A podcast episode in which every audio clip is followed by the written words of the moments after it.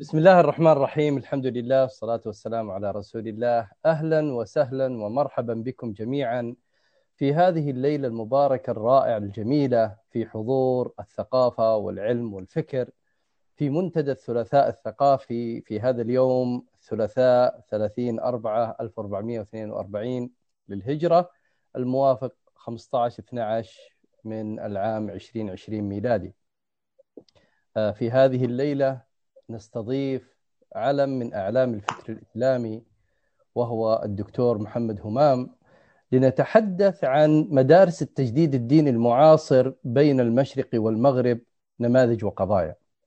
آه، تبقى هذه آه، من المواضيع المتجددة والتي تضع أمامنا باستمرار تساؤلات متكررة مع مرور الزمن مع تقدم التاريخ مع ظهور الأجيال الجديدة مع ظهور العلوم المتقدمة إلا أن هذا الموضوع يبقى من المواضيع التي دائما تثار من زاوية أخرى ومن زوايا أخرى ومن زوايا متعددة لأن النظرات تبقى متجددة فيه وتبقى الأسئلة مفتوحة. لا يوجد أسئلة يعني إجابات مغلقة تشفي غليل أو تروي المتطلع للعلم والمعرفة بالذات في حضارتنا الإسلامية.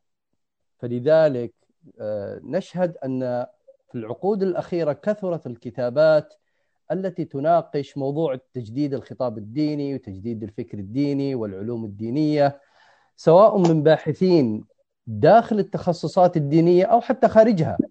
هناك كتب كثيرة وكتاب كثر أمثال محمد إقبال ترابي أحمد البغدادي حامد ربيع زكي الميلاد. محمد حافظ وغيرهم كثير. يرى أغلب من ألف في هذه المسائل أن تجديد الفكر الإسلامي وتجديد الخطاب الديني هو تجديد يتوجه ابتداء إلى بنية العقل الإسلامي ويأمل في إحداث تحولات في نظم التفكير والمقاربات المنهجية وآليات التفكير والبحث والمقارنة. ويستهدف أيضا إعادة النظر في بنية الموروثات الفقهية والفكرية. وذلك بهدف تطوير وتجديد العلوم الإسلامية النقلية والعقلية وإعادة النظر في دراسة العلوم الدينية من زوايا متعددة والسعي إلى مقاربات تاريخية وثقافية واجتماعية وفلسفية وسياسية. فارسنا اليوم وسيدنا اليوم هو الدكتور محمد همام دكتوراه في الأدب والعلوم الإنسانية من جامعة القاضي عياض في مراكش ماجستير من جامعة القاضي عياض أيضا بكالوريوس من جامعة القرويين آه، وبكالوريوس أيضا أخرى من جامعة ابن زهر. آه، الأستاذ محمد آه، تقلد العديد من المناصب في جامعة ابن زهر في أكادير من أستاذ في كلية العلوم القانونية والاقتصادية والاجتماعية إلى نائب عميد الكلية. إلى عضو في مختبر الأبحاث وعضو في فرق بحثية كثيرة ومتعددة. آه، الدكتور محمد خبير محكم في مجموعة من المجلات العلمية المحكمة منظم ومنسق للعديد من المؤتمرات العلمية والوطنية والدولية. وأنصحكم هنا بمتابعة عدد من محاضرات الدكتور ولقاءاته الموجودة منشورة في اليوتيوب. صحيح أنها قليلة إلا أنها مثرية جدا وامل وسنراهن على أن سيكون لقاءنا اليوم من اللقاءات أيضا التي ستثري الساحة اليوتيوبية بهذه الموضوع اللي سنتطرق له اليوم. آه، من الأشياء الجميلة في حياة الدكتور محمد آه، كتب في العديد من العلوم والمعارف فكنت طلعت اليوم على سلسلة من مقالات الدكتور فكنت أقول ما هذا التنوع يعني؟ أشياء من هنا وهنا. آه، فتفاجأت إن الدكتور يحمل نظرية العلم الموسوعي. لا يرى بأهمية التخصص لدرجة أنه كان يرى أن جائزة نوبل هي تكفير عن التخصصية العلمية. ولا لا يا دكتور؟ نعم. كانت يعني ضربة قوية لألفريد نوبل. لكن مش مشكلة. هذه لعلها في حوارات أخرى نأخذها منك لأن نظرتك فيها كانت جميلة. آه، كتب الدكتور عدة كتب المنهج والاستدلال في الفكر الإسلامي مساهمة في النقد الإسلام تنمية من النقد إلى البناء المسلمون في ظل العلمانية مشكلات الحضارة وشروط النهضة تأليف مالك بن نبي تقديم ودراسة جدل الفلسفة العربية بين محمد عبد الجابري وطه عبد الرحمن وغيرها وغيرها الكثير من آه، المقالات والكتب. لعل ما أحصيته أخيرا هو الأصول الأجنبية للتصوف الإسلامي. ما أدري هل صدر بعده مقال في شيء أو لا في مجلة الفيصل السعودية. آه، نضع بين يديكم الآن سعادة الدكتور محمد همام ليبدأ ليحدثنا عن موضوع مدارس التجديد الديني المعاصر بين المشرق والمغرب. 45 دقيقة ثم بعدها نبدأ نأخذ مداخلات الحضور الكرام واستفساراتهم.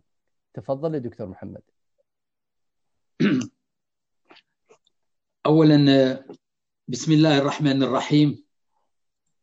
والصلاة والسلام على رسول الله وعلى آله وصحبه أجمعين.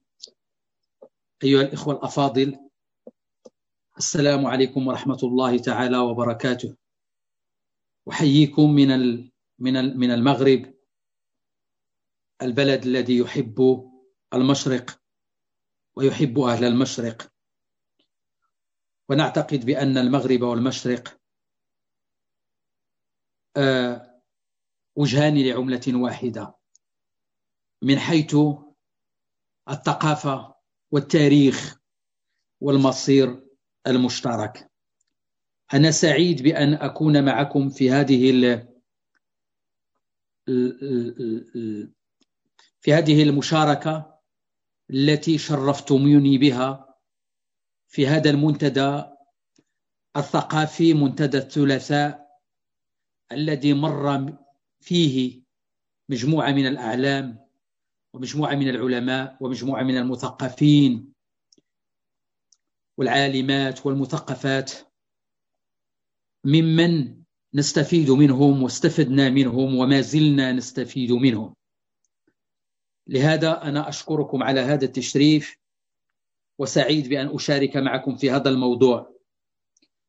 فقط لأبتدئ لكم ب بطرفة من آخر ما قاله الأستاذ حمزة أنا آخر ما كتبته هو خمس حلقات عن وفاة النجم الأرجنتيني ديوغو أرموندو مارادونا من منظور ثقافي وأيضا آخر ما نشرته في مجلة الفيصل هو درس الإبستيمولوجيا في الجامعة المغربية في العدد الأخير يعني. فلهذا أنا سعيد كما قلت أن أشارك معكم في موضوع مدارس التجديد الديني المعاصر. وأريد أن أوضح في البداية بأنني عندما قلت التجديد الديني أنا لا أدعو عادة إلى تغيير الأديان ولا إلى تغيير اعتقادات الناس ولا حتى إلى مطالبة الناس بأن يستدلوا على عقائدهم وعلى إيمانهم. لأنني أعتقد بأن الحالة الدينية هي حالة إيمانية حالة انفعالية حالة عاطفية حالة ذاتية. يحس فيها الإنسان بنوع من المتعة ونوع من الراحة ونوع من التوازن النفسي. ليس بالضرورة مطالبا ليضع بيننا وبين أيدينا مجموعة من الاستدلالات المنطقية أو العقلية أو المادية. لكي نصادق له على عقيدته أو على إيمانه أو على دينه. لهذا عندما قلت التجديد الديني حتى لا ندخل في شنآن فأنا أقصد التفكير الديني الخطاب الديني العقل الديني ليس بالضرورة الدين بما, بما هو منظومة بما هو مطلق من الله سبحانه وتعالى أو يعني فيه مؤطر بالغيب. وهذا نقاش آخر. أيضا عندما قلت التجديد فقلت التجديد ل آه، وأنا أحس وأشعر بنوع من الحرج أننا نستعمل مصطلحا قد آه، يعني قد ابتذل استعماله ابتذل استعماله إلى درجة أننا أصبحنا نتكلم عن التجديد ولا نمارس التجديد. ولا نمارس التجديد ونحن نعيش حالة أزمة وحالة اختناق في التفكير الجميع يقر بها ولكن عندما نأتي إلى التجديد فإننا نتكلم عن التجديد وعن أهمية التجديد.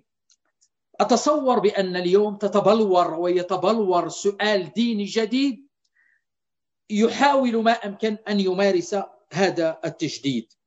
أيضا عندما تكلمت عن المغرب والمشرق فلا بد أن نخرج من هكذا أتصور وأريد لهذه المداخلة أن أخرج من السردية القديمة. سردية لا أقول حوار المغرب والمشرق كما وقع بين الأستاذ حسن حنفي والأستاذ الجابري في مجلة اليوم السابع ولكن أيضا هذه هذه هذا التنازع بين المغرب والمشرق. أعتقد بأنه سربيا متجاوزة وكان سياقها أو تجاوزنا سياقها وتجاوزنا ظروفها. لأننا حتى عندنا في المغرب لا تنسوا بأن هذا هذا علاقتنا بالمشرق طرحت عند الكثير من المفكرين سواء ما يتعلق بالسؤال تلمذة تلمذة أنتم تعرفون بأن ابن عبد ربه الأندلسي كتب كتاب العقد الفريد جمع فيه عيون الأدب. وعيون الثقافة والاجتماع والعمران بين المغرب والمشرق ولكن لما قرأوه في المشرق خصوصا عندما قرأه وزير ومثقف ومغرور اسمه الصاحب بن عباد. الصاحب بن عباد قال هذه بضاعتنا ردت ردت إلينا. ونحرف بأن هذا الرجل ما كنا لنعرف حقيقته لو لم نقرأ ولو لم يصلنا كتاب أخلاق الوزيرين لأبي حيان التوحيدي المثقف البغدادي صاحب الخطاب الصريح والصارم والصاعق في كتبه وهو علامة على القرن الرابع أو الخامس الهجري.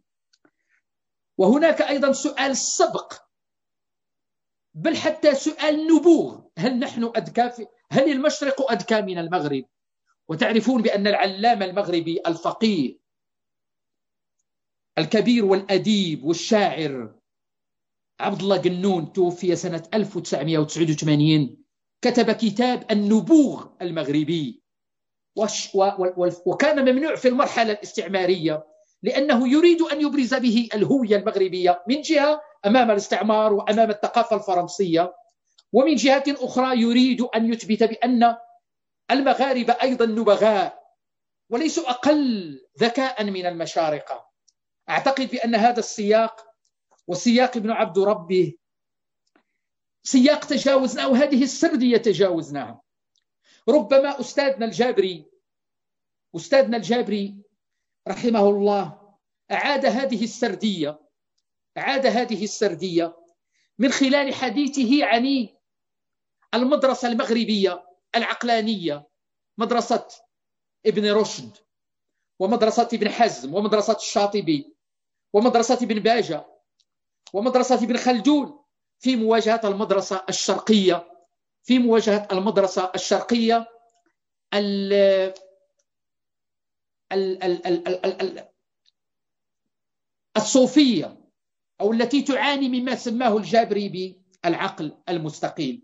أتصور بأن هذه السردية أيضا حتى بالنسبة لأستاذنا الجابري رحمه الله كان فيها الكثير من التجني وكان فيها الكثير من التسرع ولكنها لا تنقص هذا التسرع وهذا التجني لا ينقص من قيمة ومن عمق ومن دقة ما اقترحه الأستاذ الجابري في مشروعه النقدي كما سنرى. لهذا أنا أحاول أن أنطلق في هذه المداخلة حول مدارس تجديد الدين المعاصر من قاعدة التفاعل أو البحث عن التفاعل الإيجابي وهو مصير مشترك على المستوى الفكري بين المغرب والمشرق.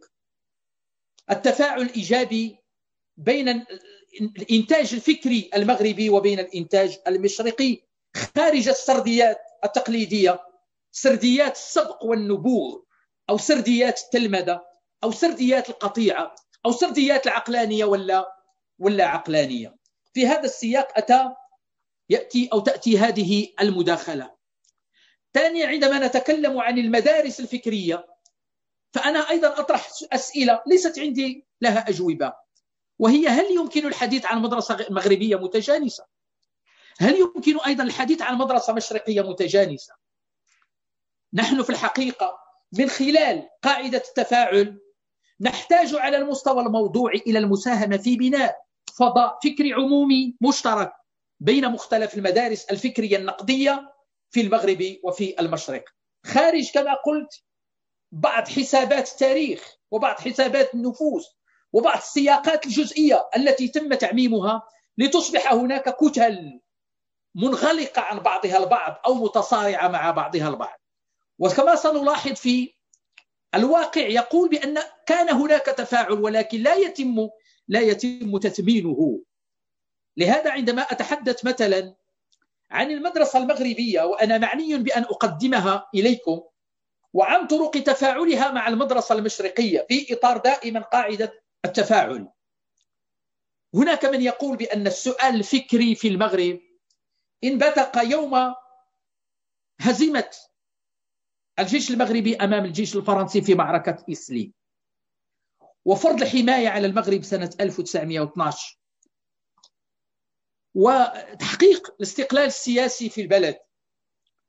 وهزيمة يونيو 67 أيضا.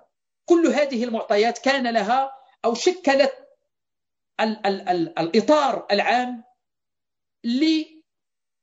لتحريك الأسئلة على مستوى الفكر المغربي. هذه المعطيات أعطت ثلاثة أنواع من الأسئلة.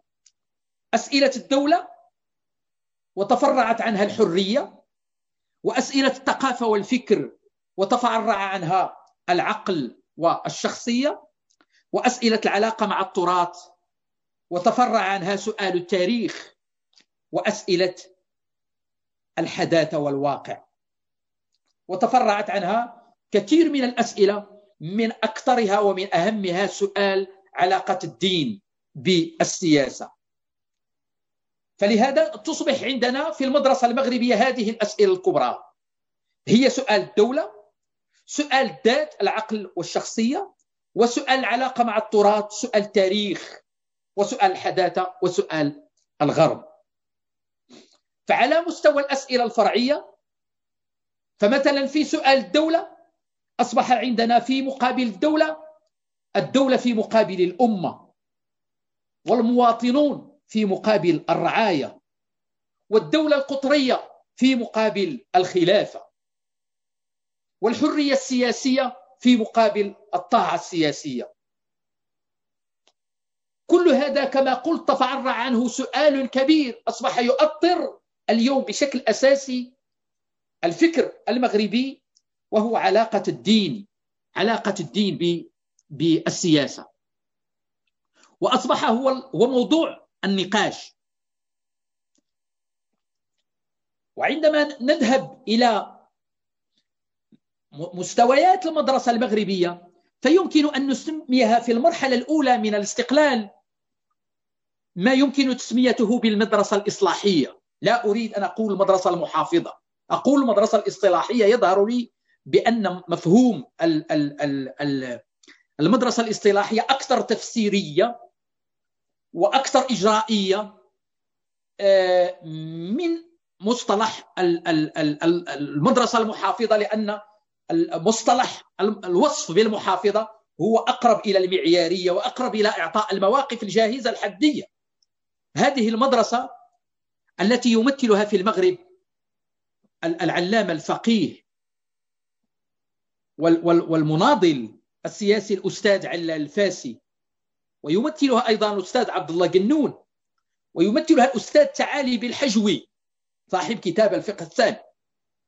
وأيضا علال الفاسي صاحب الذي اشتغل في بمفهوم جديد يقول مدرسة إصلاحية يريد أن يجيب عن تلك الأسئلة من داخل آه، ما يمكن أن نسميه المنظومة الإسلامية منظومة خصوصا منظومة مقاصد الشريعة.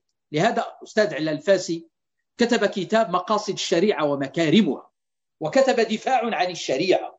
دفاع عن الشريعة نفترض بأن هناك طرف يهاجم الشريعة, يهاجم الشريعة وعنده أيضا كتاب اسمه النقد الذاتي وكتب أخرى. ونفس الشيء بالنسبة للأستاذ عبد الله جنون ولا بالنسبة للشيخ العلامة الحجوي.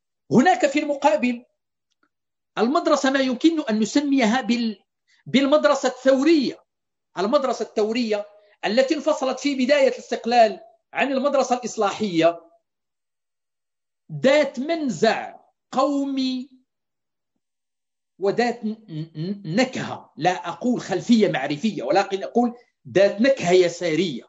نقودها مثلا المناضل المغربي المهدي بن بركة صاحب البيان البيان الثوري. فهذه بداية بداية انبثاق مدرستين في المغرب مدرسة إصلاحية. ويمكن أن نقول بكثير من التحفظ لأنه يحتاج إلى كثير من الاستدلال والتفصيل بمدرسة بمدرسة يسارية.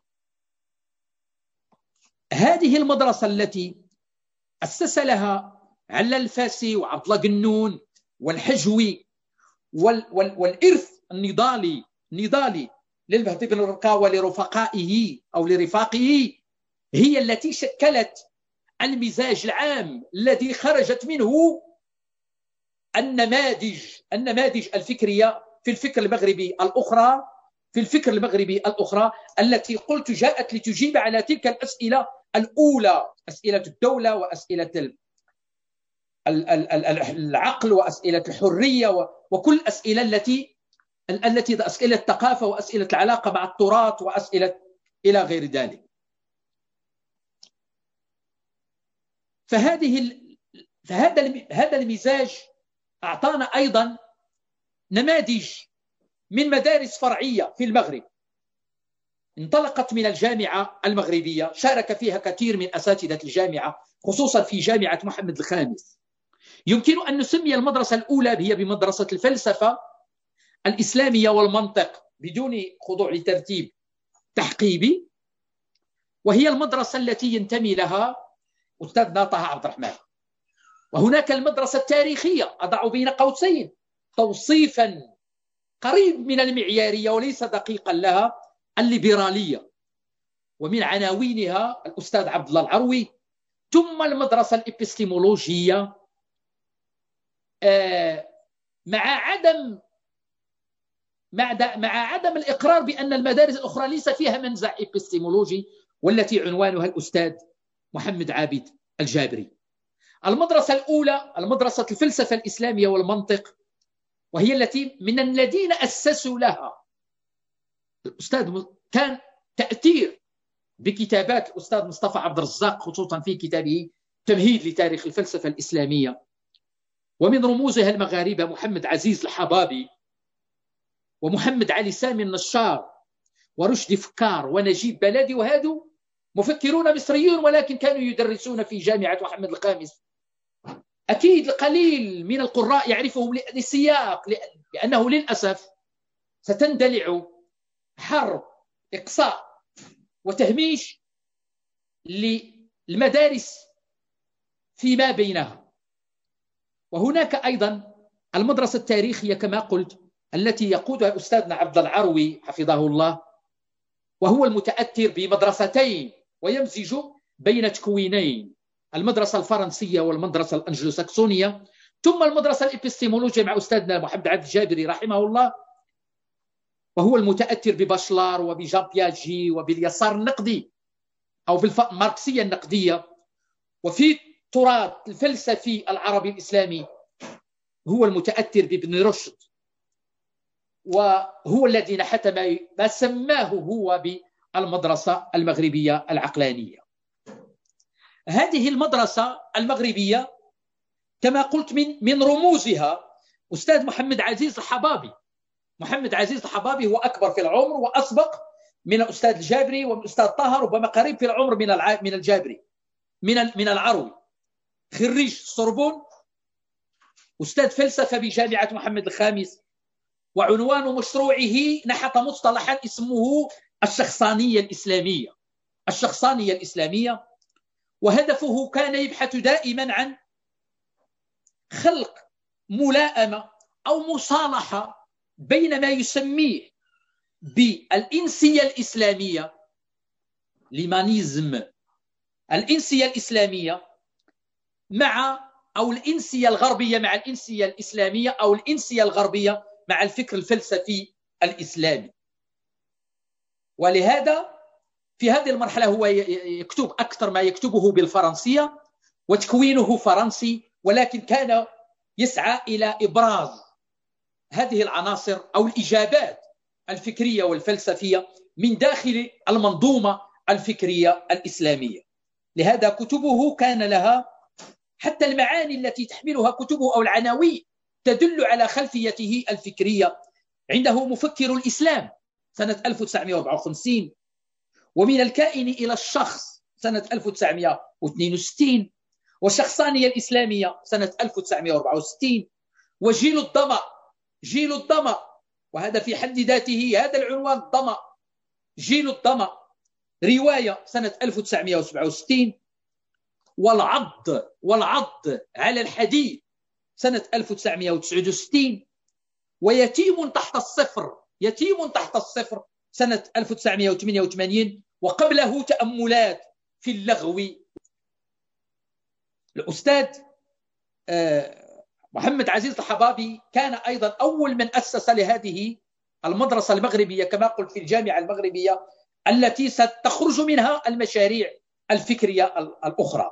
في مقابل أو في بموازاة أو بقرب الأستاذ الحبابي كان الأستاذ رشدي فكار الذي عاش في المغرب ومات في المغرب وهو مصر مفكر مصري. وهو أيضا خريج جامعة دكتورة من جامعة من باريس وأستاذ بجامعة محمد الخامس ويتكلم عربية وإنجليزية والفرنسية وكان هو أيضا يبحث عن العلاقة وعلاقة العالم العربي الثقافية مع فرنسا على الخصوص. وعنده كتاب تأملات في الإسلام والشباب وحرية الاختيار والمراهنة الصناعية ونظرية أصول الماركسية والمراهنة الصناعية. وكان عنوان مشروعه هو الإسلام من حيث هو دين وثقافة وحضارة يقوم بالدور الفعال في توجيه الحياة الاجتماعية والسياسية والثقافية للشعوب الإسلامية يعني الإسلام باعتباره باعتباره رؤية وليس مشروع سياسي أو يعني شكليات أو كذا ولكنه رؤية. بقربهم أيضا كان نجيب بلد. هو مفكر مصري أيضا منطقي وكان أستاذا في جامعة محمد الخامس وعلى يديه تكونت تكون قادة الفكر الفلسفي المغربي خصوصا الأستاذ طه عبد الرحمن والأستاذ محمد عابد الجابري توفي سنة 1978 عنده دروس في تاريخ الفلسفة عنده كتاب حول ديكارت وكتاب حول الأصول الأفلاطونية وكتاب حول باسكال والكتاب حول المدرسة الأسكندرية ومراحل الفكر الأخلاقي. ونجيب بلدي ومحمد عزيز الحبابي هما اللذان أشرفا على دكتور على دبلوم على ماجستير الأستاذ الجابري وعلى دكتوراه الأستاذ الجابري. إذا تخرج من هذه المدرسة نموذجان كبيران. نموذج محمد عابد الجابري بمشروعه نقد العقل العربي أو مدرسة الإبستيمولوجية.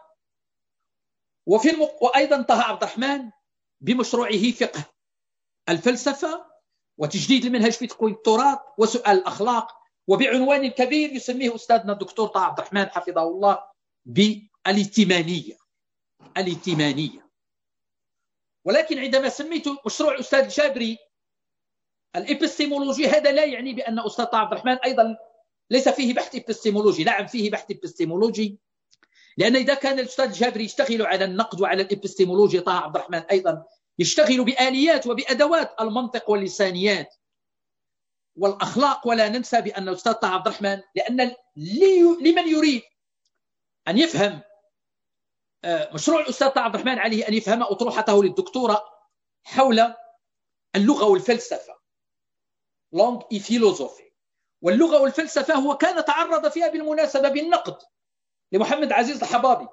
عندما أقول نموذجان خرجا من مدرسة مصطفى عبد الرازق ونجيب بلدي ومحمد عزيز الحبابي هذا لا يعني أن هناك تلمذة سلبية بل هناك تلمذة إيجابية وهناك إضافة إضافة في هذا السياق. نموذج آخر هو نموذج العروي. ما أستطيع أن أقول بأنه خرج من هذه المدرسة. ولكن الأستاذ العروي خريج جامعة باريس وعنوان مشروعه التاريخانية. وهذا ما أثبته في مفهوم التاريخ الذي هو درس في المؤرخ وليس في التاريخ. وليس في التاريخ. وأيضا الأستاذ العروي كان الأكثر تفاعلا مع الخطاب النهضوي.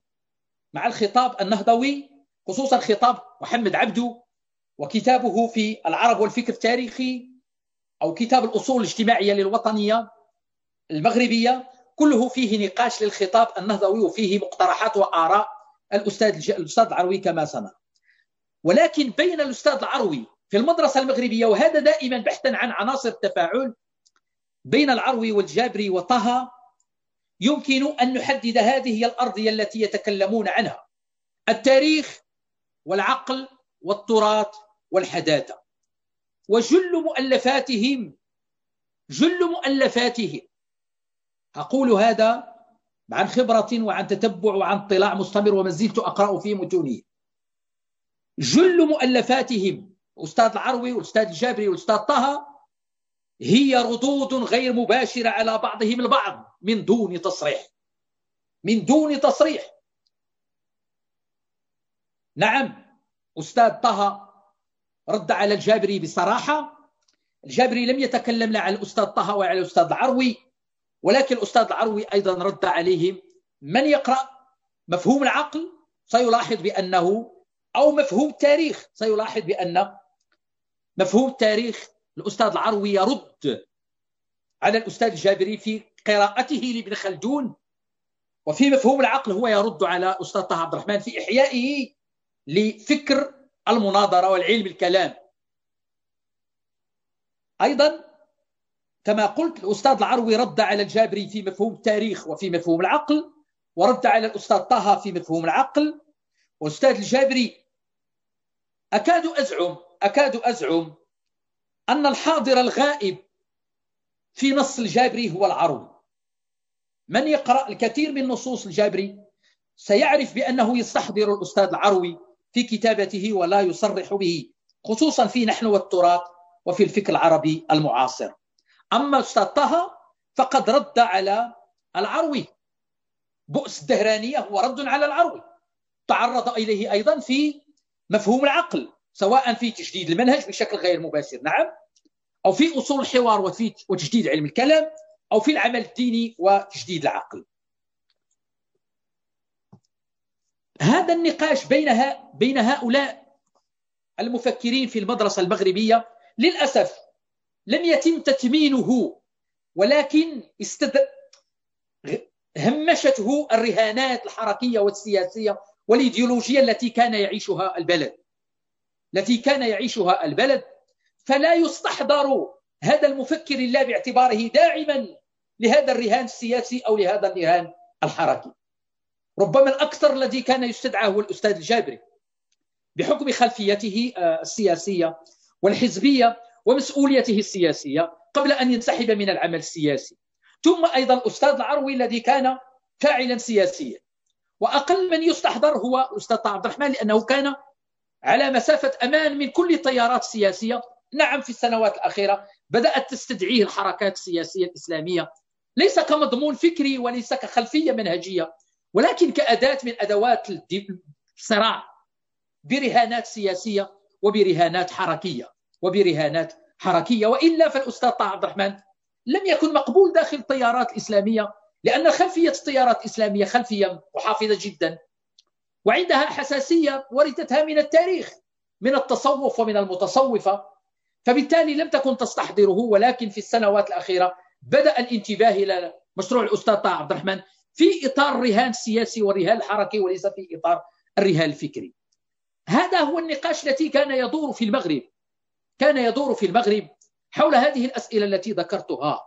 أيضا كان هناك نوع من التفاعل بين بين المدرسة الإصلاحية في المغرب مدرسة علال الفاسي ومدرسة في تونس هي تجربة الأستاذ محمد طاهر بن عاشور العلامة الفقيه رحمه الله خصوصا في مجال مقاصد الشريعة ومحاولة الخروج من الضيق الذي فرضته الرؤية المحافظة أو الرؤية الحرفية أو الرؤية التراثية المنغلقة في قراءتها وفي فهمها للدين وفي صياغتها للأحكام.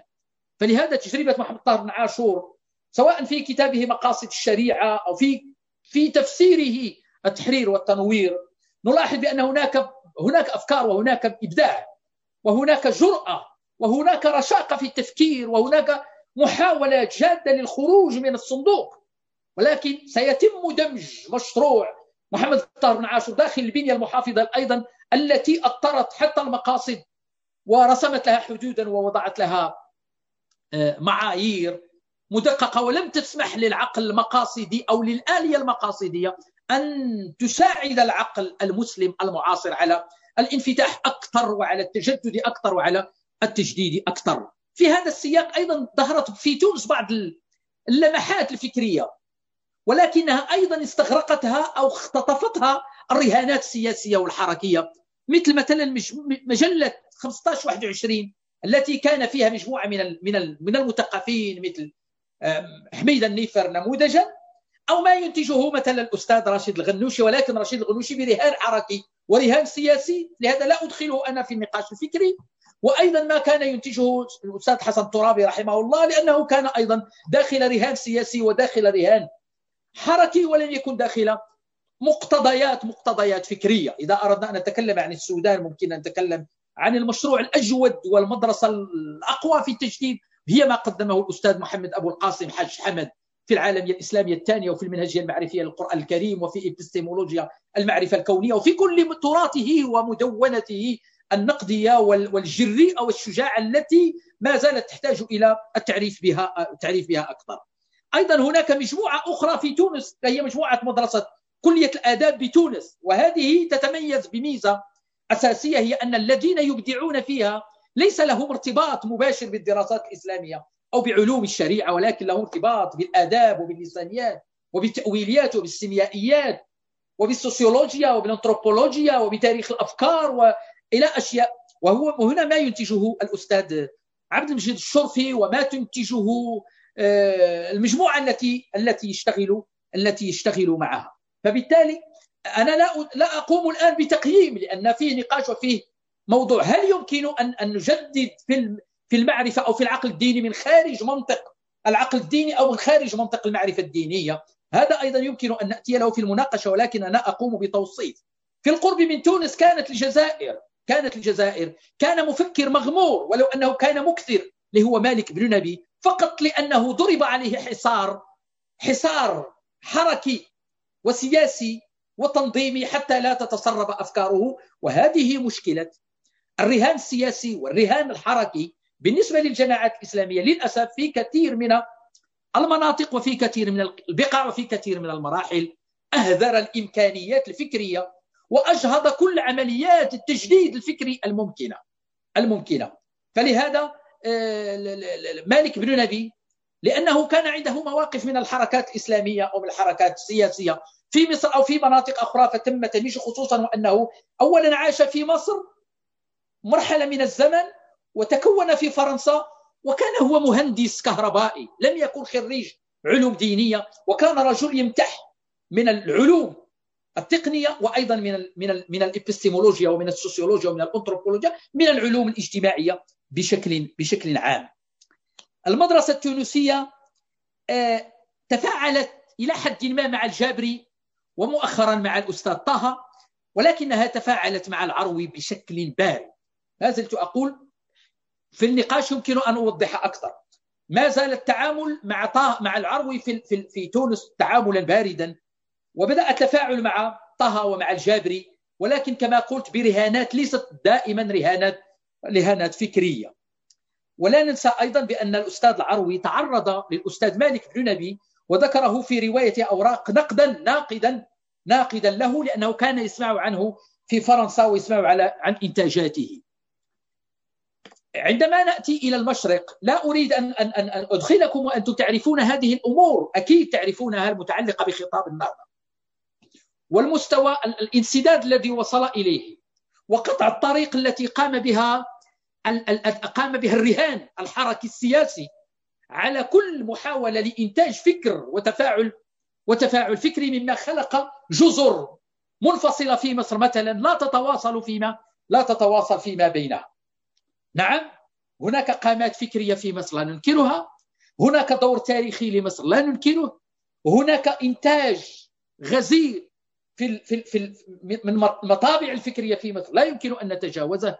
ولكن بالنسبة للفكر الإسلامي أتصور بأن الرهان الحركي والسياسي غطى على كل الرهانات الفكرية والعلمية والبحثية والنقدية.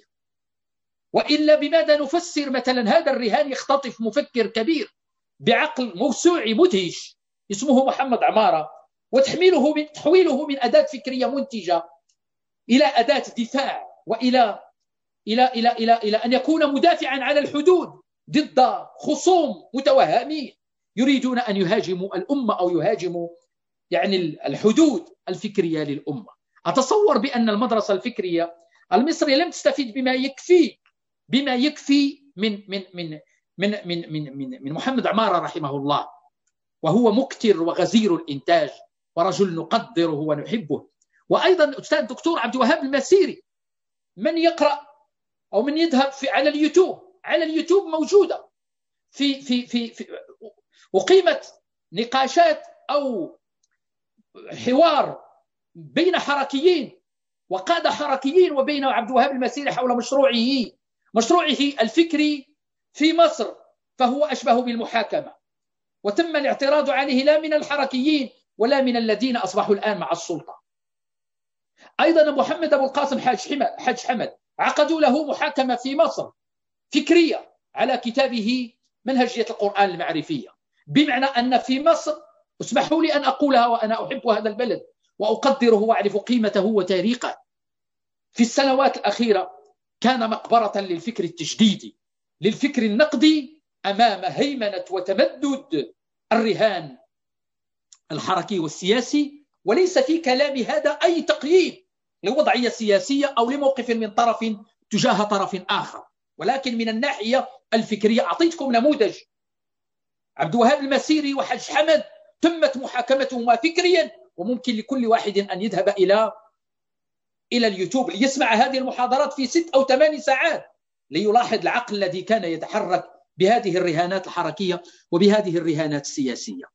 أيضا في في في في, في لبنان في لبنان كان عندنا نعم لبنان مصدر الإنتاج والطباعة والبحث والتنوع. نعم. ولكن بالنسبة لمدارس الفكر الإسلامي في السنوات العشرين الأخيرة بدأت تصل لنا كتابات مثلا محمد مهدي شمس الدين رحمه الله وسيد محمد حسين فضل الله رحمه الله. وبدأنا نقرأ نصا أو نصوصا أو متونا في الفكر الإسلامي فيها قدر كبير من الجرأة والشجاعة والجرأة النقدية والقدرة على التفكير من خارج من خارج الصناديق أيضا في الشام في الشام كان تفاعل مع المدرسة المغربية خصوصا مع الأستاذ الجابري. والأستاذ الجابري بالمناسبة ناله حظ كبير من النقد ومن التقريع ومن حتى الاتهام من كثير من المفكرين المشارقة. ونحن نعرف بأن تعرض له جورج طرابيشي تعرض له جورج طرابيشي لا أقول بأنه لم يتعرض له علميا ولكن كان بحث علمي مخلوط بقليل من من الأدب ومن أداب الاختلاف والحوار. وأيضا تعرض له طيب تيزيني. وتعرض له أيضا في الأردن تعرض له هشام خطيب.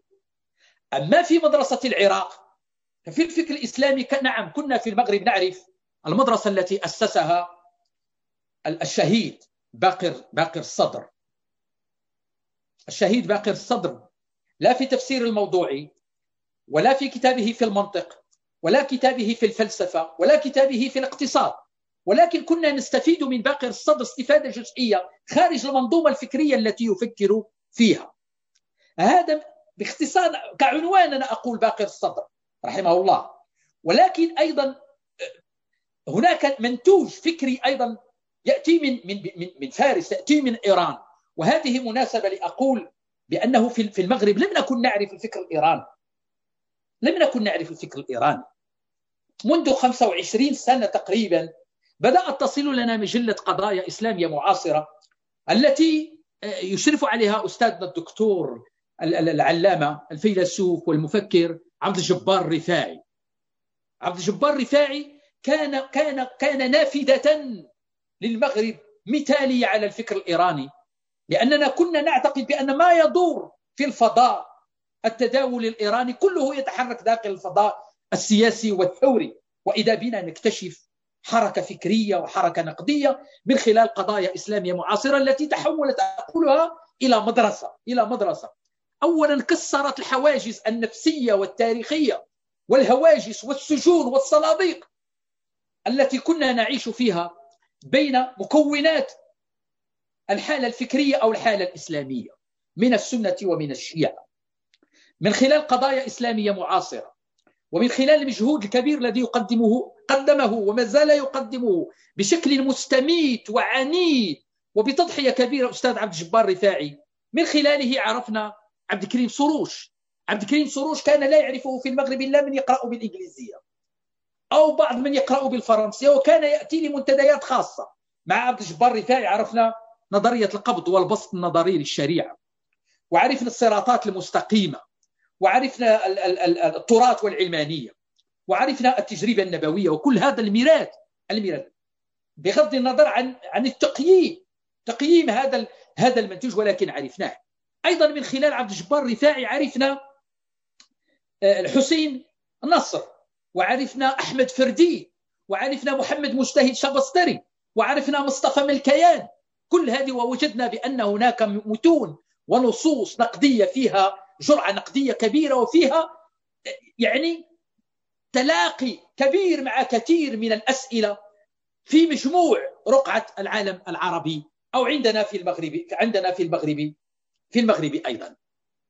ولهذا في مجلة قضايا إسلامية معاصرة أصبحنا نقرأ طه جابر العلواني العراقي السني إلى جانب محمد مجتهد شبسطري وإلى جانب كل كتب أو أو إلى جانب عبد الكريم سروش عبد الكريم سروش فاعتقد بأن هذا الذي قدمته مجلة قضايا إسلامية معاصرة يستحق أن يكون هو الأرضية التي يمكن أن نلتقي عليها.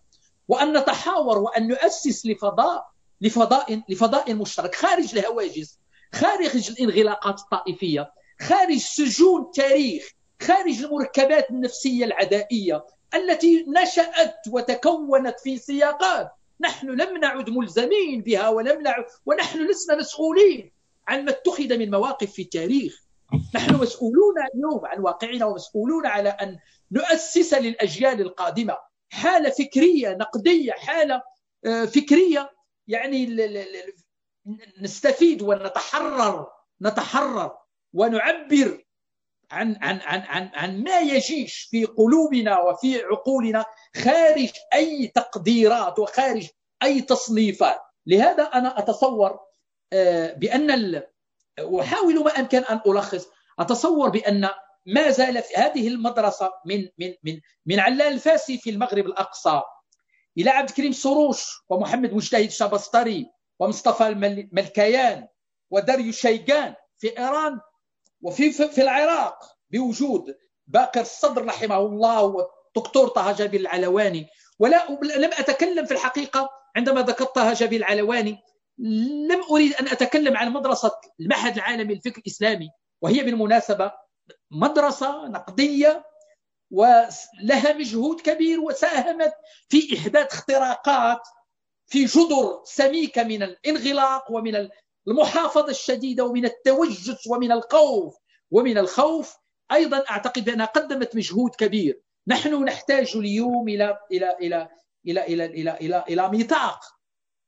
ميثاق فكري يقوم على ال على على ال على على ما سماه الأستاذ عبد الجبار الرفاعي بإنقاذ النزعة الإنسانية في الدين وعلى إرواء الضمى الضمى الأنطولوجي الذي نعيشه وتعيشه آه، مجتمعاتنا وإلى الخروج من حالة الاغتراب الميتافيزيقي الذي نعيشه وإلى محاولة استكناء وقراءة واستخراج معاني جديدة وتصورات جديدة منسجمة مع ظروفنا وسقفنا الحضاري ومستوى العلوم وعلاقتنا بالعالم. لا يمكن أن نعيش لا يمكن أن نعيش خارج هذه المعطيات. هذه المدرسة النقدية التي تحدثت عنها ما يميزها من المغرب إلى إيران؟ يميزها أولا أنها متشبعة بالعلوم الإنسانية الحديثة والعلوم الاجتماعية وبالأدوات التحليل أدوات تحليل الخطاب والأدوات الهيرمينوتيقا وأدوات السوسيولوجيا وأدوات الانثروبولوجيا وأدوات تاريخ الأفكار. لا يمكن لا يمكن وهذه قال أستاذنا الجابري من من زمان لا يمكن أن نستعمل نفس الأدوات ونفس الآليات وننتظر نتائج مختلفة. سننتج بشكل سيء ما تم إنتاجه. أتصور بأن مدارس التفكير النقدي في تجديد الخطاب الديني تحتاج اليوم إلى تشبيك العلاقات وتحتاج إلى إلى بناء فضاءات مشتركة وتحتاج إلى تحقيق حالات كبرى ومثلى على المستوى الذاتي لكل مثقف ولكل مفكر من التحرر من التحرر من سجون الماضي ومن ومن العقائد السلبية ومن الطاقات السلبية ومن المواقف السلبية من أجل أننا نتواصل خارج الرهانات خارج الرهانات السياسية وخارج الرهانات الحركية وخارج الطموحات الذاتية. أتصور بأن بإمكاننا أن ننجز هذا وبإمكاننا أن نتواصل وأعتقد بأن مجلة قضايا إسلامية معاصرة وما ينتجه استاذنا عبد الجبار الرفاعي يعتبر مدرسة كانت فيه مدرسة مجلة أيضا في البحرين. لم أذكرها مجله الوعي المعاصر. فيه شباب وفيه طاقة وفيه مدرسة فكرية نقدية في البحرين. ما أعرف ماذا حصل لها. ربما هناك سياقات وظروف ومعطيات أخرى. أنا لا أريد أن أخلط بين المستويات. أريد أن أتحدث فقط فيما هو فكري. نحن محتاجون اليوم إلى بناء آه، فضاء عمومي فكري. فيه نقاش حر وفيه نقاش نزيه وفيه التزام أخلاقي بأخلاقيات الحوار وبالتنوع بمختلف مشاربنا وطوائفنا ومذاهبنا من أجل بناء حركة فكرية مفيدة للإنسان، نحن نريد أن تكون حركة فكرية مفيدة للإنسان، ليس لأهل عقيدة واحدة فقط أو لأهل مذهب فقط، فالنبي صلى الله عليه وسلم أرسل للناس وما أرسلناك إلا كافة للناس بشيرا ونذيرا، نريد هذه هذا العمق الإنساني وهذه الروح الإنسانية التي كانت تسكن التجربة النبوية وكانت تسكن المنهج النبوي. نريد أن تتحقق فينا في إنتاج أفكار تفيد الناس جميعا. ومرة أخرى أشكركم على حسن استماعكم وأعتذر إن كنت تجاوزت الوقت. السلام عليكم. عليكم السلام. والله يا دكتور يعز علينا أن نتوقف عن سماعك. آه، هذه السرديات التاريخية الجميلة المتسلسلة آه، أخذتنا في أفق تاريخي فكري جميل جدا. آه، عمليات الربط كانت آه، ملهمة. يعني أجزم أنه الكثير كان ينتظر من شخص مثلك يا دكتور إيجاد هذه الروابط بين المفكرين وبين المدارس.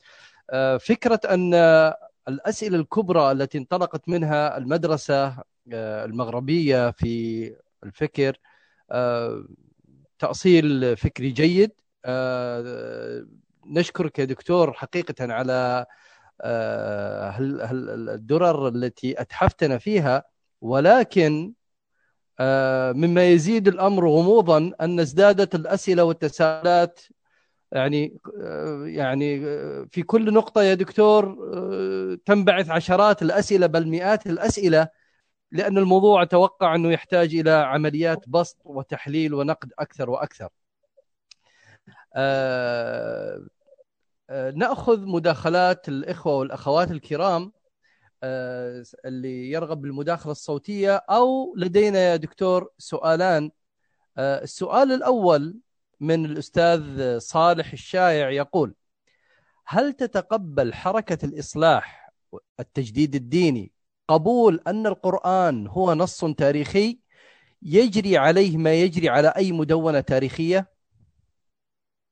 هذا سؤال الأستاذ صالح. آه الأستاذ أحمد أيضا آه سأطرح عليك سؤالين يا دكتور ثم تجاوبنا عليها. الأستاذ أحمد آه الخميس يقول ما هي أسباب انكفاء المشاريع النهضوية وانطفائها سريعا؟ أهو الانغلاق الفكري أم هو النكوص الأصولي والنزعة الماضوية المهيمن على العقل العربي الإسلامي؟ تفضل يا دكتور. أولا شكرا. أنا أقول دائما نحن نعلم الطلبة حتى في الفلسفة السؤال أهم من الجواب وأنا أعتقد بأنني لم آتي بشيء جديد لكم.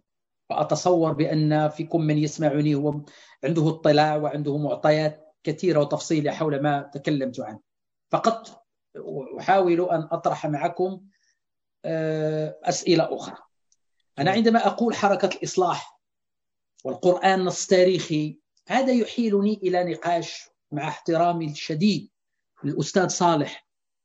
مع احترامي الشديد. لا يمكن أن, أن, أن, أن نجزئ النقاش في موضوع من الموضوعات. أنا طرحت العلاقة التفاعلية التي ربما أحلم بها بين المدارس الفكرية بين المغرب والمشرق وأقول بأن نفس الأسئلة المطروحة في المغرب مطروحة في المشرق. فعلينا أن نتواصل أكثر ونتناقش أكثر ونتحاور أكثر وينفتح بعضنا على بعض أكثر خارج أي هواجس وخارج أي موانع وخارج أي ضغوطات. ولا نصل إلى نتائج ولكن ننتج معرفة إضافية ننتج معرفة إضافية. ما يتعلق بن... هذا موضوع متعلق بالنص القرآني بالنص القرآني. مقاربة القرآن أو النظر في القرآن الكريم الجميع يقر بأن القرآن الكريم غني غني بلغته غني بمفاهيمه غني بأطروحته غني برؤاه غني بمنهجه. ولكن في نفس الوقت نقر أيضا بأن ثقافتنا دون ثقافة دون هذه الكثافة الدلالية ودون هذا الغناء. في المقابل في المقابل نجد القرآن في حد ذاته هو كتاب نقدي هو مشروع نقدي هو نوع من من نقد الكتب السابقة. ولكن في حياتنا لا نجد النقد لا نجد النقد. القرآن الكريم يركز على المسؤولية. والإنسان مسؤول. ولكن لا نجد المسؤولية في حياتنا الاجتماعية ولا في كل حياتنا. بمعنى لا ينبغي أن, أن, أن, أن, أن نستل بعض التعابير في بعض المشاريع. نعم أنا أعرف وأتابع بشكل جيد. ما يكتبه الآن الاستشراق وما يستهدف كثير من المستشرقين المتحيزين وليس كل المستشرقين متحيزون. ليس متحيزون وليس كل الغربيون في سلة واحدة. يعادون القرآن ويريدون يعني الإساءة إليه. لا يمكن أن نضعهم في سلة واحدة سواء كان غربيون أوروبيون أو أمريكيون أو في مناطق أخرى من من العالم. ولكن هم عندهم أعراف البحث أعراف البحث. لا تستثني أي شيء من السؤال لا تستثني أي شيء من السؤال. وحتى بالنسبة للذي يقول للذي يقول بأنه نص تاريخي يمكن أن نتناقش ونتحاور في هذا الموضوع. لأن واحد عندما يقول لك أنت عندك علم قائم بذاته اسمه أسباب النزول. أسباب النزول. بمعنى أسباب النزول بأن الحادثة مرتبطة ب بأن الآية مرتبطة بواقع. فتأتي له بقاعدة وتقول له العبرة بعموم اللفظ لا بخصوص السبب. هذه قاعدة أيضا منتج بشري ومنتج عقلي ويمكن أن نناقش حولها ويمكن أن نناقش حولها أنا أتصور بأن الدخول إلى ساحة القرآن للنقاش واستثمار واستثمار أدوات العلوم الاجتماعية ستساعدنا في استخراج وستساعدنا في بلورة وفي إنتاج معارف غنية ومكثفة مفيدة لنا خارج التصنيفات لأننا بعض الأحيان عندما نناقش القرآن لأن نفس الشيء الذي وقع أبو القاسم حاج حمد وكثير من المفكرين الذين كتبوا في الذين كتبوا في القرآن. أنا أتابع هذه المشاريع. أنا كتبت تقريبا 60 أو 70 يعني 60 حلقة على على شحرور على كتاب الأستاذ محمد شحرور آه، رحمه الله. عنده اجتهادات أخطاء صرح باختياراته المنهجية قام بأخطاء يجب أن نثبت خطأه. عنده اختيارات منهجية لم يكن موفقا فيها ولم تكن فيها كفاية تفسيرية وإجرائية يجب أن نثبت ذلك. ولكن هذا فرق بين أننا نناقش محمد شحرور ونخطئه ونتتبع اختياراته المنهجية ونختبرها وبين أننا نتهجم على شخص أو نسبه أو نلعنه أو نعتبره خارج الملة وخارج الدين. أعتقد بأن داخل الفضاء الفكري يجب أن تكون عندنا حرية أكاديمية وبحثية. أنا بالنسبة لي ينبغي أن تكون مطلقة. ينبغي أن تكون مطلقة. وأنا بالنسبة لي ألا أقولها لا أريد أن أجامل. أنا أؤمن بأن كل شيء يناقش. كل شيء يناقش. كما كما قال جيفري لانج في كتابه جيفري لانج الرياضي الأمريكي كما قال في كتابه آه، حتى الملائكة تسأل كل شيء يناقش. والقرآن الكريم يفتح لك هذه الفرصة للنقاش. قل هاتوا برهانكم إن كنتم صادقين. ما يتعلق بالمشاريع الفكرية المشاريع الفكرة الحركة الحركة التأثير في الحياة الاجتماعية ليس عملية فردية سواء كانت فكرية أو صناعية أو يعني كيفما كان نوعها لا بد أن تكون حركة اجتماعية. حركة اجتماعية. إذا لم تكن حاضنة اجتماعية للأفكار لا يمكن أن يكون لها أثر في الواقع. وفي هذا السياق أبدع أبدع المفكر والعالم الاجتماعي والعمراني والثقافي والناقد الثقافي مالك بن نبي. مالك بن نبي منطق الأفكار ومنطق الاجتماع والعمران وكذا مختلف تماما. لهذا قد تمر أفكار كبيرة وعظيمة ومثالية ولكن لا علاقة لها بالواقع في غياب حواضن وحاضنات اجتماعية للأفكار. ولا يمكن ان أن نستخرج من ولا يمكن أن نستبعد من هذا الدولة ومؤسساتها والمجتمع المدني. لا بد أن تكون هذه المستويات لها علاقة بالمشاريع وبالأفكار ولا ينبغي أن تكون الأفكار كما يقول المجرد تكتب في المجلدات وترتب وتوضع في المكتبات ويكون المفكر في برجه العاجي لا علاقة له لا علاقة له بالواقع. لأنه لا تنسوا أستاذ الجابري قبل أن يكتب نقد العقل العربي والأستاذ العروي قبل أن يكتب الكثير من كتبه منا... كانا مناضلين سياسيين كبيرين وشاركا في الانتخابات. الأستاذ العروي في الانتخابات في 75 في المغرب كان يوزع كتبه على الناس. كان يوزع كتبه على الناس. ولكنه لم ينجح في الانتخابات ونجح إنسان لا يقرأ ولا يكتب. لا يقرأ ولا يكتب ولم ينجح المفكر الذي كان يوزع الكتب على الناس. هناك المستوى الفكري وهناك الحاضنة وهناك تحويل الافكار إلى سلوك وإلى تنشئة اجتماعية وإلى ممارسة يومية. تفضل. شكرا دكتور محمد. آه، معنا مداخلة من الأخ آه، سلمان الحبيب آه، تفضل. تفضل أستاذ سلمان.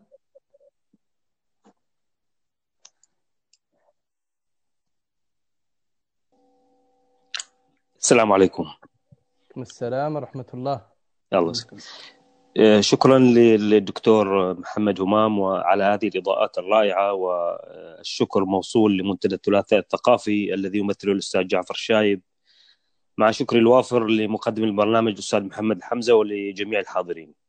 تسلم. آه، في البداية أحب أن أقول آه، أنني أؤمن بحتمية التغيير. فكل شيء يتغير ويسير في اتجاه الديالكتيكي. آه، شئنا ذلك أم أبينا؟ آه، لذا يجب آه، على المثقف هذه بعض الأمور التي يجب أن يلتفت لها المثقف الذي يسعى للتغيير. لا يكون تصادميا ومسارعا في عملية التغيير لأن ذلك سيؤدي لنتائج عكسية. كما يجب أن لا يمارس المثقف دور الوصاية والتعالي والفوقية. فالمثقف يجب أن ينطلق من منطلق عقلاني وبدافع المسؤولية والحب كذلك.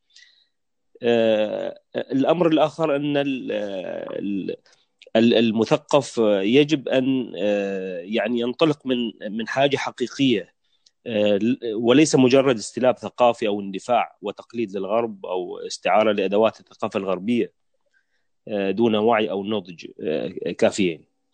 الأمر الآخر آه، يجب الالتفات أيضا إلى البعد الوجداني آه، مثل ما ذكر جوستاف لوبون في كتاب الاراء والمعتقدات أو حياة الحقائق هناك كثير ما يتم الخلط بين المنطق العاطفي والعقلي.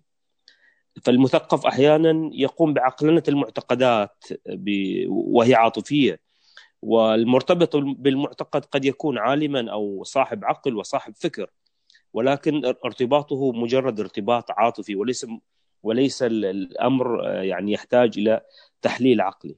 هذا ما يتعلق بالمثقف. آه، بالنسبة للعقل العربي والإسلامي آه، بالإمكان تصحيح كثير من الأشياء الموجودة عندي في نظري منها التحرر من الخرافات والأساطير أو التحرر من التبعيه للأوائل في تفسيرهم ونظرتهم ل أو أو طريقة تناولهم للموضوعات الدينية مثلا.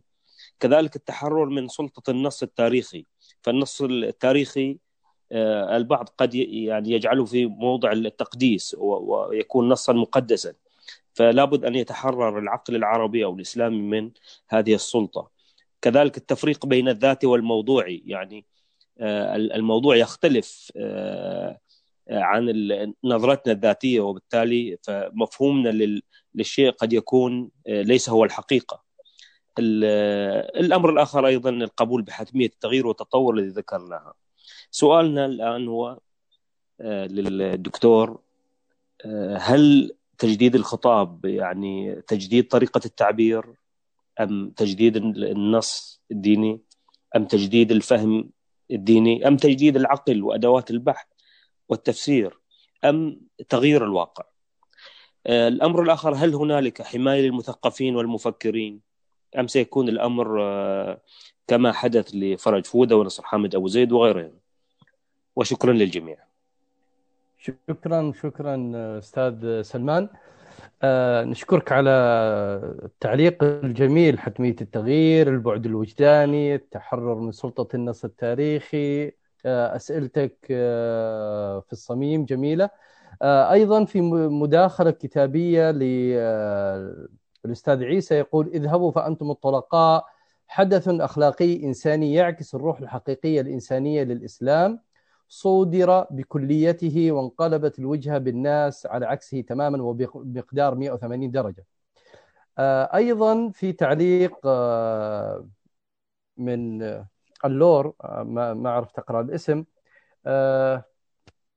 يقول أو تقول ثمة معلمين يفتحان مقررات العاقلية في النظر النقدي والمصطلح والمنهج وإغفالهما محل خلل التجديد. لكن للأسف كل من أسهم في هذه البوتقة لم يعرف بالتخصص الشرعي فما توجيه الدكتور. آه، قبل ما نرجع لك يا دكتور محمد أيضا آه، نأخذ مداخلة صوتية من آه، صاحب المنتدى الأستاذ جعفر الشايب. تفضل أستاذ جعفر.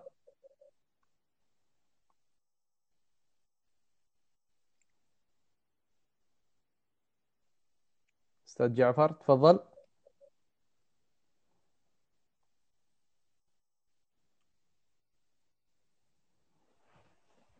مرحبا مساء الخير. وشكرا جزيلا لك دكتور. شكرا أستاذ محمد. يعني على هذا العرض الجميل والرحلة الثقافية الرائعة.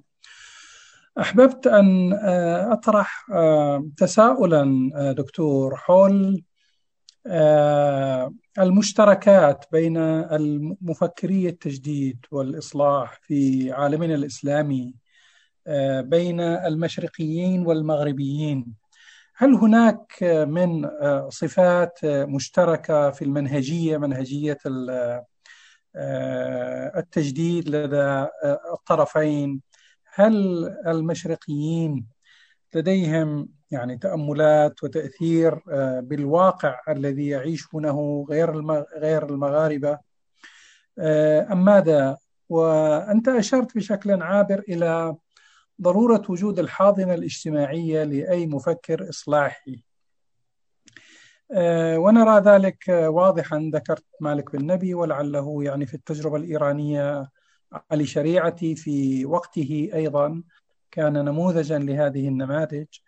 آه، الحاضنة الاجتماعية كيف يعني يمكن آه، توفرها للإصلاح التجديدي الذي يواجه بحالة من السلفية المتشددة أو الحالة التقليدية آه، المتشددة إن صح التعبير.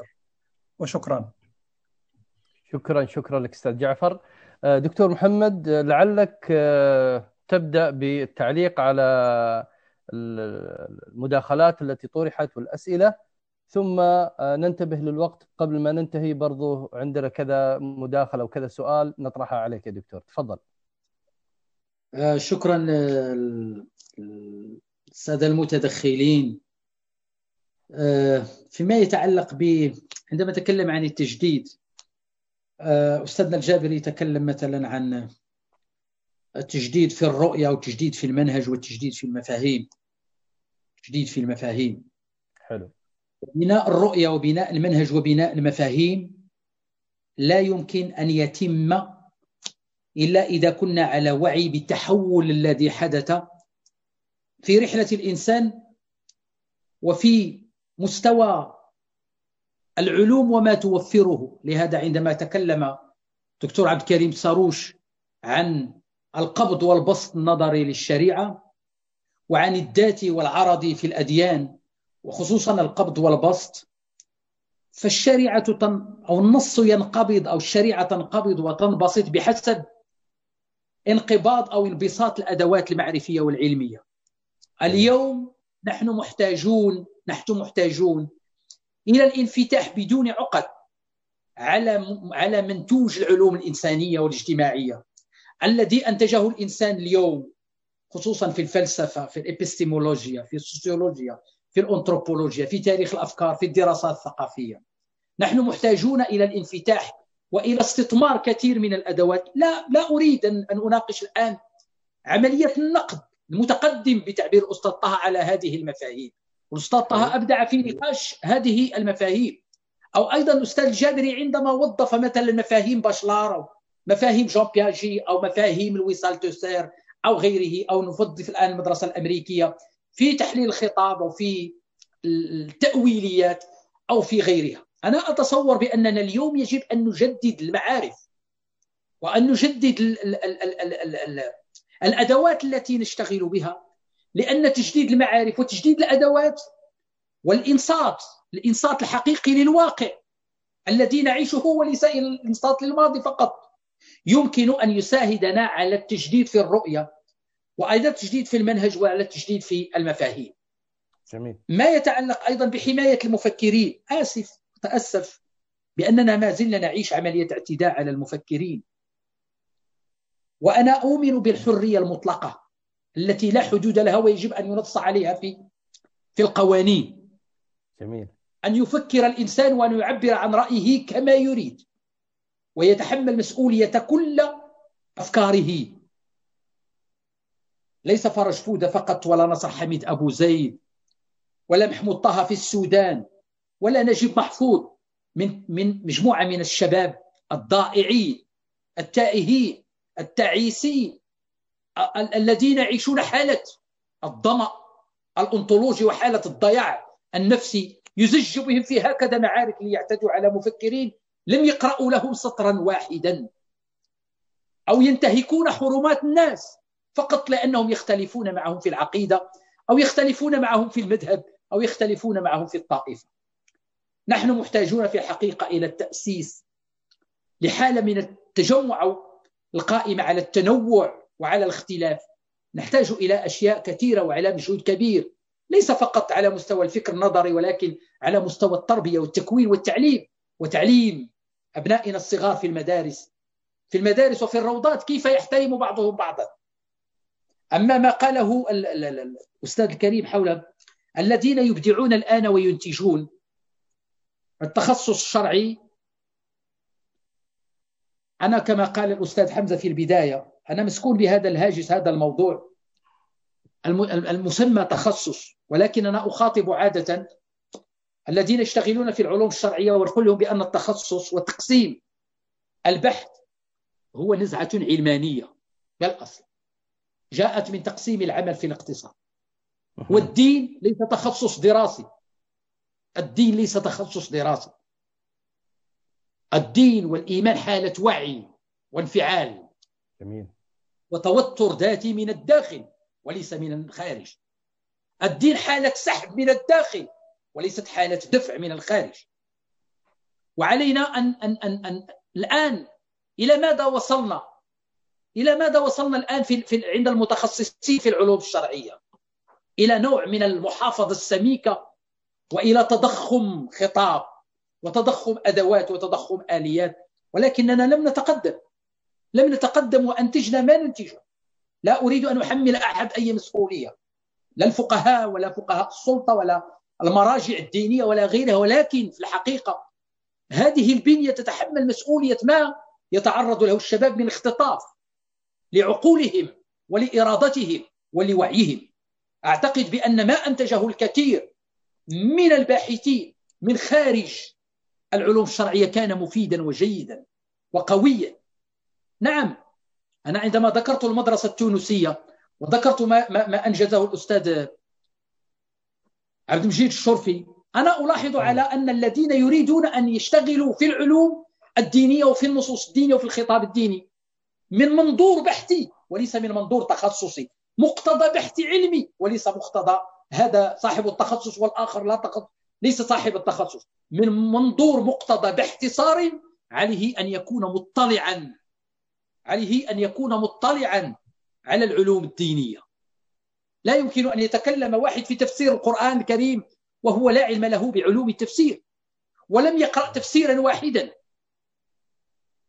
ولا يمكن أن يتكلم في تجديد أو النظر في الأحكام وهو غير ملم بقواعد أصول الفقه وبتاريخ أفكار أصول الفقه وبمذاهب أصول الفقه وبالقواعد الأصولية وبالقواعد الفقهية. لا بد أن يكون هناك إلمام عميق. لا أقول من خلال فرد ولكن من خلال مجموعة بحث من خلال مجموعة بحث. لأن لأن لأن البناء الديني بناء مركب ومعقد يحتاج يحتاج إلى إلى إلى إلى عمق ويحتاج إلى جلد ويحتاج إلى عمل مجموعات بحثية. ولكن ليس إلى تخصص.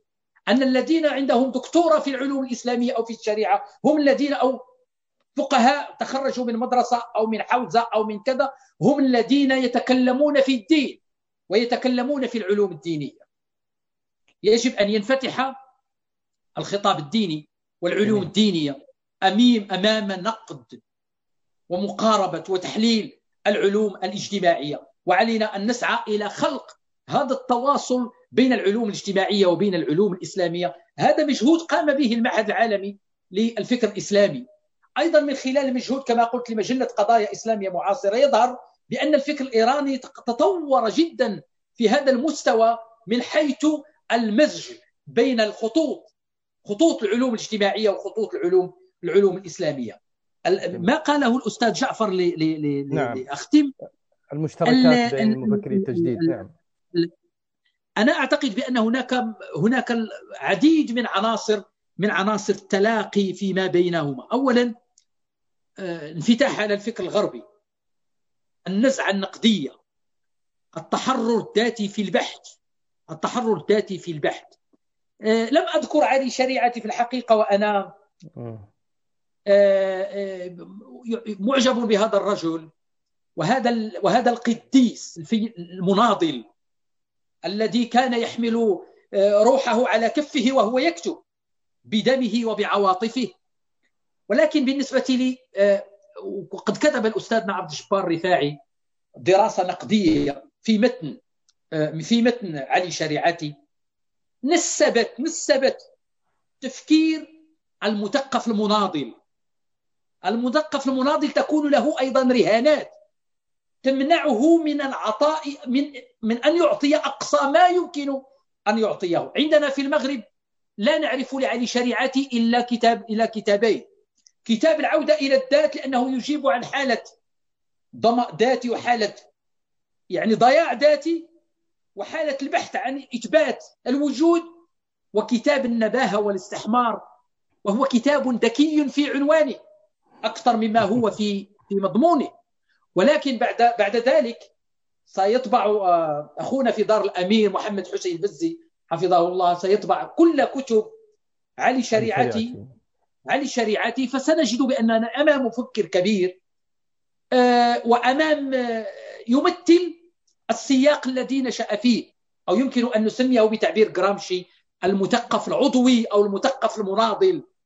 فبالتالي أعتقد بأن حتى الخطاب الفكري اليوم الذي نرمي إليه يتجاوز مستوى المفكر المناضل إلى مستوى الباحث المدقق الباحث الملم والمطلع والباحث الذي ليست له بالضرورة رهانات سياسية ولا رهانات ولا رهانات حركية ولكن نعم. الحاضنة الاجتماعية حاضنة مهمة تكون من خلال الأدوار التي تقوم بها المدرسة والروضة والثانوية والجامعة والجمعية والمجتمع المدني والمجتمع المدني.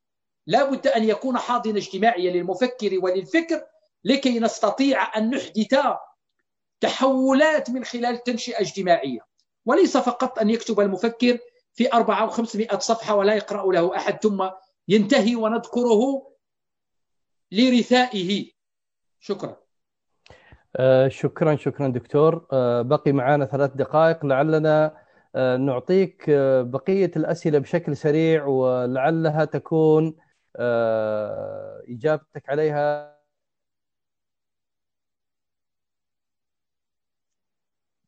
نعم. نعم. عند أيضا الأستاذ حسين الغامدي يقول هل يرى الدكتور أن الليبرالي العربي هل يرى الدكتور أن الليبرالي العربي بنظره أعيد السؤال هل يرى الدكتور أن الليبرالي العربي ينظر إلى التراث من منظومة مرجعية أوروبية ولذلك فهو لا يرى فيه إلا ما يرى الأوروبي؟ هذا سؤال الأستاذ حسين. عندنا سؤال آخر من عبد الغفور الدبيسي. السؤال يقول ما يواجه النخب التجديدية هو الموازنة بين البعد عن المزالق السياسية والتاريخية والقدرة على الانفتاح على الجمهور بحيث لا يصبح التج... آه، لا يصبح التجديديون حديثا نخبويا معزولا فكيف يتم ذلك؟ لدينا أيضا أحمد الخميس يقول هل يرى الدكتور الكريم أن الجابري كان محقا ومصيبا عندما وسم العقل العربي المشرقي بأنه عقل عرفاني وبياني لا برهاني عقلاني وهل يرى الدكتور الكريم أن القطيعه مع التراث التاريخي والسياسي والاتجاه لتعزيز الإسلام الاجتماعي الروحي الصوفي قد يشكل الرافعة لنهضة فكرية ناجزة؟ آه هذه آه تقريبا الأسئلة الأخيرة التي وردتنا فلعلك تجاوب عليها باختصار يا دكتور وبعدها نختم اللقاء معكم. شكرا لك. تفضل يا دكتور محمد. آه بالنسبة اولا للموازنه بين بين بين العمل الفكري وبين العمل السياسي أنا أقول بأنه لا يجب أن نفصل بين المستويين. والمثقف المثقف أو المفكر عليه أن يكون دائما. عينه مفتوحة على ما يجري ويموج في الواقع. وأعتقد بأن التجربة تجربتنا الإسلامية وتجربتنا العربية والتجربة الغربية. كان المثقف الفاعل هو المثقف الذي كان له حضور ما سياسي. ليس فعل سياسي مباشر ولكن أفكاره لها حضور سياسي. عندما جميل. تتكلم اليوم على مثقف مثل شومسكي فمثقف له حضور أو مفكر له حضور. وهو الآتي من من من من من من, من فضاء اللسانيات. عندما تتكلم مثلا عن إدغار موران عندما تتكلم عن بيير بورديو عندما تتكلم عن يورغن هابرماس الآن أو مدرسة فرانكفورت فهم أيضا مفكرون مثقفون وفق المقتضيات الفكرية والعلمية ويصوغون رؤى ونظريات ومفاهيم ولكنهم أيضا غير بعيدين عما يجري في في الواقع صح. لا نريد صح. مثقفا في في برج عاجي ولا نريد أيضا مثقفا مفكرا مبتذلا في العمل السياسي أيضا الجابري عندما قال العقل العربي أنا فقط أحيلكم على المقالة المطولة التي نشرتها في الفيصل حول ال ال ال ال ال الأثر الأجنبي في التصوف أو التصوف الإسلامي أرضية للبحث العلمي أو الاشتباك العلمي. وذكرت النقاش والاشتباك يعني القوي الذي وقع بين طيب تيزيني عندما كتب عن الجابري الاستشراق المغربي وسماه مستشرقا وعندما كتب جورج طرابيشي من منطلق على كل حال واختيارات أخرى ليس هذا مجال مناقشتها مع الأستاذ الأستاذ الجابري. أنا أتصور بأن الأستاذ الجابري في وصف العقل العربي بأنه عقل أو العقل الصوفي بأنه عقل مستقيم لم يكن فيه تدقيق بالنسبة للأستاذ طه في مستويات مشروعه الكثيرة هو يدحض هذه الفكرة ويرد عليه ويرد عليه. الأستاذ الجابري لا لا أقول لا أدعي ولا يدعي هو أستاذنا الجابري نعرفه عن قرب لا يدعي بأن كل ما قاله مسيج ومحصن من النقد وبأنه صحيح مطلق لا. هذا ما قاله في السياق الذي كتبه فيه. وبما توفر له من معطيات ومن أدوات ومن وثائق ومن نصوص اطلع عليها ومن ملاحظاته في الواقع السياسي والثقافي والاجتماعي.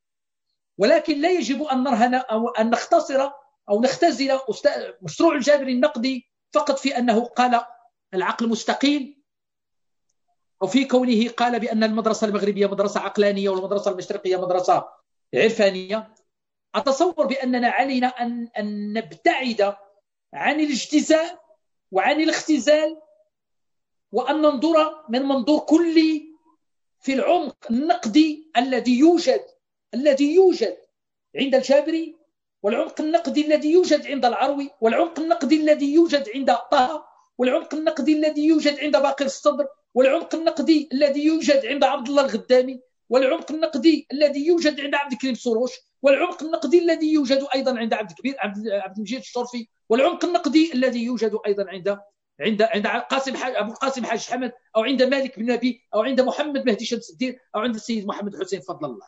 لا بد أن أن, نتصيد أقول هكذا هذه القيم وهذه الأفكار النقدية لنبني من خلالها للأجيال. أطروحة نقدية تساعدهم على التحرر تساعدهم على الإنتاج تساعدهم على الاستفادة من كل إمكانياتهم.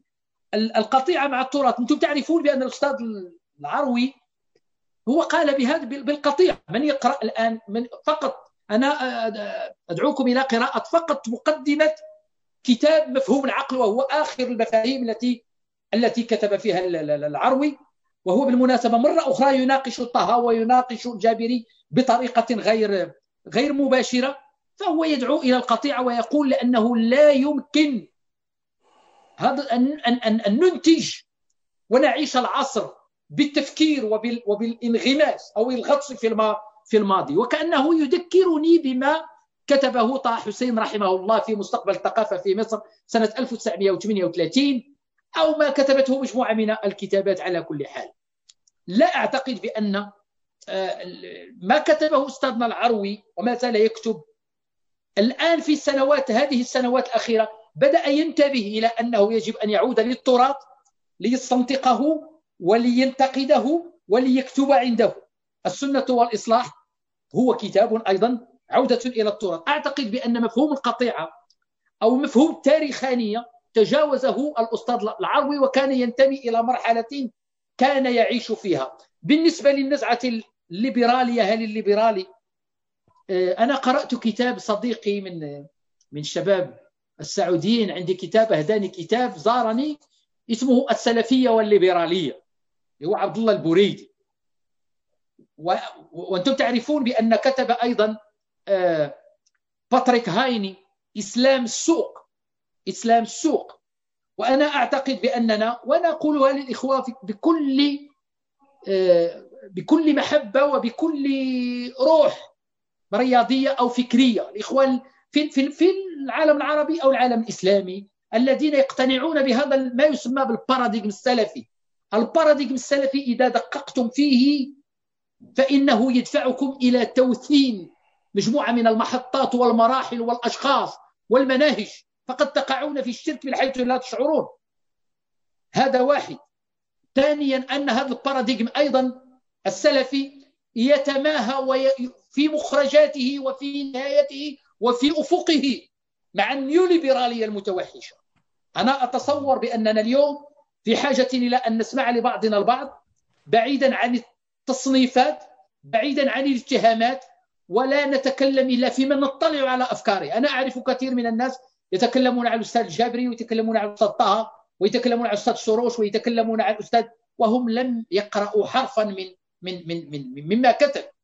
أتصور بأن عندنا مقومات بناء خطاب فكري نقدي يساعدنا على إعادة تجديد النظر في الخطاب الديني وفي العقل الديني وتحويل الدين تحويل الدين إلى ذخيرة إنسانية وتحويل الدين إلى ذخيرة للتنمية وتحويل الدين إلى إلى إلى إلى تحرير حتى لا أقول إلى لاهوت إلى لاهوت تحرير وتحويله إلى حل حقيقي وليس إلى مشكل. لأنه للأسف الخطاب الديني المعاصر في كثير من المناطق أصبح مشكلا أصبح مشكلا وأصبحت مفرداته وأدواته تسبب تحدث قيود ومشاكل وتوترات للمسلمين في كل مكان نحن محتاجين إلى مصارحة أنفسنا وذواتنا وإلى أن نستمع إلى مفكرين وأن نستفيد منهم جزئيا أو كليا من نعم. مختلف المشارب من مختلف المحاور من مختلف الحقول وأعتقد بأنه من من من من أغادير والرباط والدار البيضاء مرورا بتونس والجزائر والقاهرة ولبنان والشام وبغداد وطهران أعتقد بأننا قادرون على أن نبني معمار مدرسة نقدية. سيكون لها دور كبير في النقد وفي التجديد. وشكرا لكم. يعطيك العافية. آخر آخر مداخلة من باب الموضوعية يا دكتور محمد. بقي دقيقتين ونختم اللقاء ولكن احتراما للأخ الذي سأل السؤال يقول لو عملنا مقاربة منهجية للسيرة النبوية في مفهوم التجديد الذي غير مجرى التاريخ بتأسيس مدينة علمية مدنية لوجدنا خلافا كبيرا لما تذهب إليه يا دكتور هل هذا الكلام صحيح؟ ما رأيك؟ أعيد السؤال الأخ يسأل يقول لو عملنا مقاربة منهجية للسيرة النبوية في مفهوم التجديد لوجدنا خلاف ما ذهبت إليه يا دكتور. طبعا هذا السؤال بهذه الصيغة المختصرة. فهل أنت فعلا يا دكتور ترى نفسك أنك مخالف لما جرى عليه المنهج النبوي في المدينة؟ أنا أعتقد بأن المدينة النبوية هي مدينة مدنية. جميل. مدينة متنوعة. تنوع الملل والنحل وحتى والعقائد والأجناس والألوان. آه، مدينة ديمقراطية. اسمحوا لي بين قوسين. مدينة ديمقراطية. فيها قائد بخصوصيات استثنائية هو النبي صلى الله عليه وسلم ولكن لم يكن يقمع الطموحات الشخصية. ولم يكن يقمع التوحد بين التنوع الذي يوجد بين بين أصحابه. لهذا النبي صلى الله عليه وسلم كان إلى جانبه أبو بكر رضي الله عنه بخصوصياته الشخصية وبأصوله الاجتماعية. وكان إلى جانبه عمر بخصوصياته النفسية وبأصوله الاجتماعية المختلفة. وكان إلى جانبه عثمان بخصوصيته النفسية وأصوله الاجتماعية. وكان إلى جانبه علي كرم الله وجهه. بخصوصياته النفسية وبأصوله الاجتماعية والعائلية والأسرية. أتصور بأن النبي صلى الله عليه وسلم كان يحترم هذا التنوع. جميل. كان ينظر ولهذا أنا أدعو في هذا المستوى إلى قراءة مدونة نقدية هي تزعج المتدينين التقليديين. كتبها الأستاذ المحامي المصري المحامي المصري المحامي المصري خليل عبد الكريم. خليل عبد الكريم كتب شدب الربابة في معرفة مجتمع الصحابة. الكتاب الأول النبي والصحابة. الكتاب الثاني الصحابة والصحابة. الكتاب الثالث الصحابة والمجتمع. الكتاب الرابع مجتمع يثرب. وأدعو أيضا إلى قراءة الاجتهاد أو المجهود الفكري والمنهجي الدقيق والعميق الذي يقدمه أستاذنا وأخونا وصديقنا آه، عماد الدين خليل المفكر والمؤرخ العراقي فيما يتعلق بقراءات منهجية للسيرة النبوية. وأيضا ما كتبه عبد الكريم سروش حفظه الله في كتابه التجربة النبوية. لم يقل السيرة النبوية ولم قال التجربة النبوية. واعتقد بأن فيه أفكار قوية وعميقة وفيه ما يمكن أن نسترشد به من الناحية المنهجية للانفتاح وقراءة السيرة النبوية بتنوعها بغناها بمثاليتها بحيويتها بإنسيتها بديمقراطيتها. أعتقد بأن النبي صلى الله عليه وسلم عاش في هذا في هذا المجتمع. ولهذا عندما توفاه الله ذهب وترك الناس ليتناقشوا ويتحاوروا ويختلفوا ويتنازعوا وربما ليتصادموا. أتصور بأن النموذج النبوي نموذج متنوع نموذج نقدي نموذج ديمقراطي نموذج بدني يجب ان أن نحسن قراءته واستلهام العناصر والمعاني المنهجية والمعرفية منه. السطر الأخير لديك يا دكتور محمد همام لتختم هذا اللقاء. تفضل. آه، اولا أشكركم على هذه الدعوة الكريمة وأنا سعيد بالتواجد معكم وهذه ليس المرة الأولى التي أحضر فيها في منتديات أو في جامعات تنتمي إلى بلدكم. الطيب أتمنى لكم كل التوفيق وأنا معجب بهذه التجربة الفكرية بهذه التجربة الفكرية التي أحس فيها نوع من الرغبة في التوافق ونوع من من العمل الوطني النافع. وأعتقد بأن المنطقة الشرقية كانت دائما منطقة إبداع ومنطقة إنتاج للأفكار طولة بتعبير استاذنا طه عبد الرحمن. وبالمناسبة أشكر كل أصدقائي في هذه المنطقة الأستاذ جعفر الأستاذ حمزة. أشكر الإخوة الأصدقاء الذي كنت أعرفهم من سنوات من سنوات. وهم الأستاذ زكي الميلاد. أستاذ حسن الصفار والأستاذ فوزي ال ذكروني به وأخوه. السيف. فوزي السيف. فوزي السيف الأخوان. وأيضا أنا أقول بأن هذه المدرسة نعرفها ونعرف المجلة في المغرب واعرف الأستاذ زكي الميلاد والتقيت بالأستاذ الصفار وأعتقد بأن هذه المنطقة الطيبة المباركة فيها إنتاج فكري جيد جدا ونحن نعرفها أيضا من خلال مجهود أخونا وصديقنا الباحث والمفكر المغربي إدريس هاني. هو أيضا له دور كبير كما قلت. نقل الأستاذ عبد الجبار الرفاعي لنا ال ال ال فتحنا على الفضاء الإيراني. أيضا الأستاذ المفكر المغربي إدريس هاني كان له دور أيضا كبير في جعلنا ننفتح على هذه الكتابات. أتصور بأن بإمكاننا ان أن ننتج خطابا نقديا.